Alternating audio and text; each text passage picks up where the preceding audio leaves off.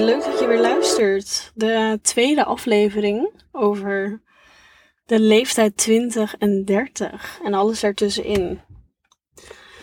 Vorige keer heb ik het uh, kort geïntroduceerd en ja, heb ik meer de betekenis van het getal uitgelegd. En heb ik je na laten denken. Dus ik ben benieuwd wat je conclusie is. Hecht jij waarde aan het getal? Ja, identificeer jij je ook met jouw leeftijd? Maar vandaag gaan we er iets dieper op in. Want wat is er nou eigenlijk goed of fout? Want dit is best wel een leeftijdscategorie waarin er veel wordt verwacht van mensen. Ik denk dat je ook heel veel verwachtingen zelf legt. Oh, ik moet even anders zitten hoor. Oh, mijn knie. Um, dat je ook veel verwachtingen zelf legt. Maar wat is er nou eigenlijk goed of fout?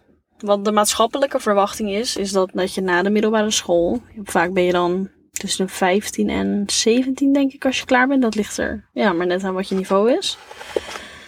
Maar wordt er verwacht dat je doorstudeert of gaat werken. Maar ja, dan heb je het af en dan ben je ongeveer een jaar of twintig. En dan, de een is nooit naar school geweest, die werkt al jaren fulltime. De ander studeert iets heel ingewikkelds of wil doorstuderen, dus is pas klaar, midden twintig. De maatschappelijke verwachting in deze categorie is ook dat je het huis uitgaat. Doe je dat alleen? Ga je eh, in een studentenhuis? Ga je samenwonen met een vriend of vriendin of met je partner? Um, maar de harde realiteit is dat het bijna onbetaalbaar is geworden in Nederland om het huis uit te gaan.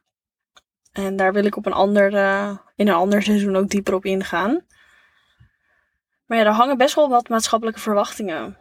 Maak je carrière? Ga je voor de liefde? Start je een gezin als je jong bent? Laat je juist alles achter en ga je reizen en de wereld ontdekken? Er zijn zoveel mogelijkheden dat dat eigenlijk weer stress kan opleveren. Maar wat vind jij van de maatschappelijke verwachtingen? Hoe ga jij daarmee om? Leg je daardoor extra druk op jezelf? Geef je bepaalde dingen ook een, uh, ja, een soort tijdsdruk? Dat je denkt, oké, voor deze leeftijd moet ik echt mijn opleiding hebben gehaald. Of voor deze leeftijd moet ik echt promotie hebben gemaakt. Of wil ik het huis uit zijn. Of getrouwd zijn en kinderen hebben. Hoe erg ben je eigenlijk beïnvloed door deze maatschappelijke verwachtingen? Heb je daar wel eens over nagedacht? Leef jij echt van dag tot dag? Of ga je stiekem ook nog mee in de sleur van de maatschappelijke verwachtingen? Want we moeten gewoon accepteren dat iedereen zijn of haar eigen pad aan het bewandelen is. En ik denk dat dat in deze categorie alleen nog maar meer is, in deze leeftijdscategorie.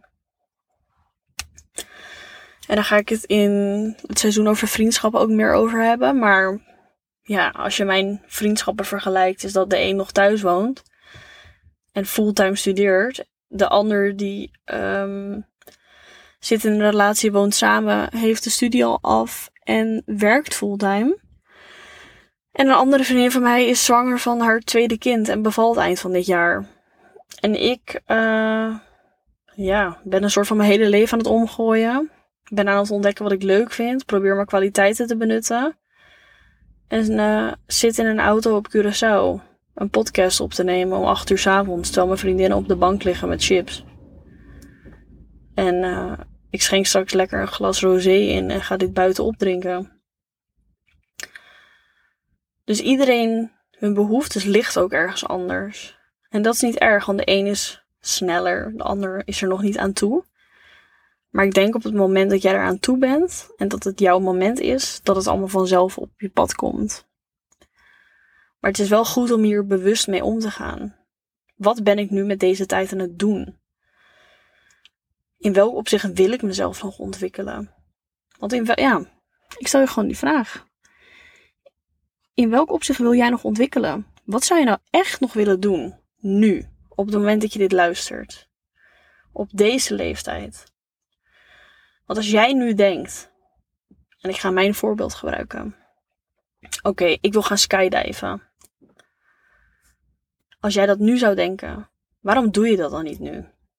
Als jij nu denkt, oké, stiekem vind ik deze baan niet leuk, maar het zou me wel vet interessant lijken om verpleegkunde te studeren, om die deeltijd te studeren. Waarom doe je dat dan nu niet? Want het kan, toch? Ik denk dat uh, vooral, dus begin 20, 22 jaar ongeveer, dat het best wel een leeftijd is waarin je ook risico's kan nemen en mag nemen. En ik ben heel blij dat ik dus, um, ga ik het ook weer een andere aflevering over hebben. Maar dat ik dus weer terug, terug thuis kon wonen. Waardoor ik dus de kans kreeg om um, ja, naar Curaçao te gaan. Maar ik wilde dit al zo lang. En allemaal dingen in mijn hoofd hielden dit tegen. En nu ben ik hier. En ik ben zo gelukkig. Ik ben zo dankbaar en blij dat ik dit plan heb doorgezet. En dat ik hier gewoon ben. Dat ik al allemaal andere dingen aan het plannen ben om hierna te gaan doen. Terwijl als ik mezelf op mijn 16 had gevraagd. Of had gezegd. Yo Tess, weet je wat jij gaat doen? Als jij 22 bent, dan ga je een paar maanden naar het buitenland. Zonder einddatum. En zonder eindbestemming. Dan had ik je gigantisch hard uitgelachen in je gezicht. Want ik was de grootste perfectionist en ik wilde altijd alles voorbereiden. En ik alleen naar het buitenland, dat had ik gewoon nooit gedurfd. Maar ook deze leeftijd heb je om te ontwikkelen en om uit je comfortzone te stappen.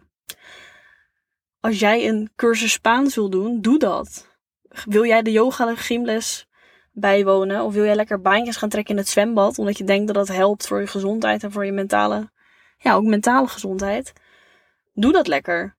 Wat maakt het uit dat jij dan misschien een van de jongsten bent bij de yogales of bij die baantjes trekken in het zwembad op de dinsdagmiddag? Als jij dat wilt doen, als jij denkt dat het jou helpt en jouw mentale gezondheid kan helpen, wat houd je dan tegen? Meningen van anderen maken in dat opzicht echt niet uit. Of als er promotie wordt aangeboden op je werk en jij bent daar nog niet aan toe, dan is nee ook gewoon een antwoord. Want je bent eigenlijk nog zo jong dat je gewoon moet doen wat jij wil. En lijkt een andere baan je ook leuk en je kan het financieel verantwoorden, maak dan een switch. Praat hierover. Zet je gedachten op een rij, maak lijstjes. Maar hang gewoon niet te veel waarde aan je leeftijd en waar we nu zijn en wat de maatschappelijke verwachtingen zijn. Doe gewoon wat goed voelt, diep van binnen. En dan maakt het niet uit alsof het heel normaal is dat je afgestuurd bent als je 20, 22 bent. Maar als jij 30 bent, of als jij juist 16 bent en je denkt ik wil vet graag doorleren. Ja, doe dat. Als jij dat, als jij dat echt wil, dan moet je dat doen. Maar als je het niet wil, als jij graag met je handen zou willen werken naar je middelbare school, zoek dan een baan en doe dat. Maar doe wel iets met je tijd. Besteed je tijd nuttig. En besef je gewoon dat iedereen 24 uur heeft in een dag. Maar het ligt er maar net aan wat jij met die 24 uur doet. En dat is het verschil. Maar iedereen wandelt zijn eigen pad. Het ene pad is hobbeliger dan het andere pad. Het andere pad is langer dan het andere pad. Het andere pad is breder of heeft meer obstakels. En sommige paden die uh, kruisen elkaar en sommige paden kruisen elkaar tijdelijk om vervolgens weer een eigen gang te laten gaan. En ook dat hoort bij deze leeftijd. Je ontmoet mensen, je laat mensen ook weer gaan uit je leven. Um, maar geniet ervan. Geniet van de wandeling op jouw pad en sta stil bij wat jij wil. Dus stel jezelf de vraag: oké, ik ben nu zo oud. Heb ik tot nu toe er alles uit kunnen halen wat ik wilde? En niet qua maatschappelijke verwachtingen, maar heb ik tot nu toe alles gedaan binnen ja, die ja, jaren die ik heb geleefd, die mij gelukkig maakten? Als het antwoord op deze vraag nee is, zorg er dan voor dat je de komende jaren, maanden en dagen wel dingen gaat doen die jou gelukkig maken en die alle maatschappelijke verwachtingen loslaten.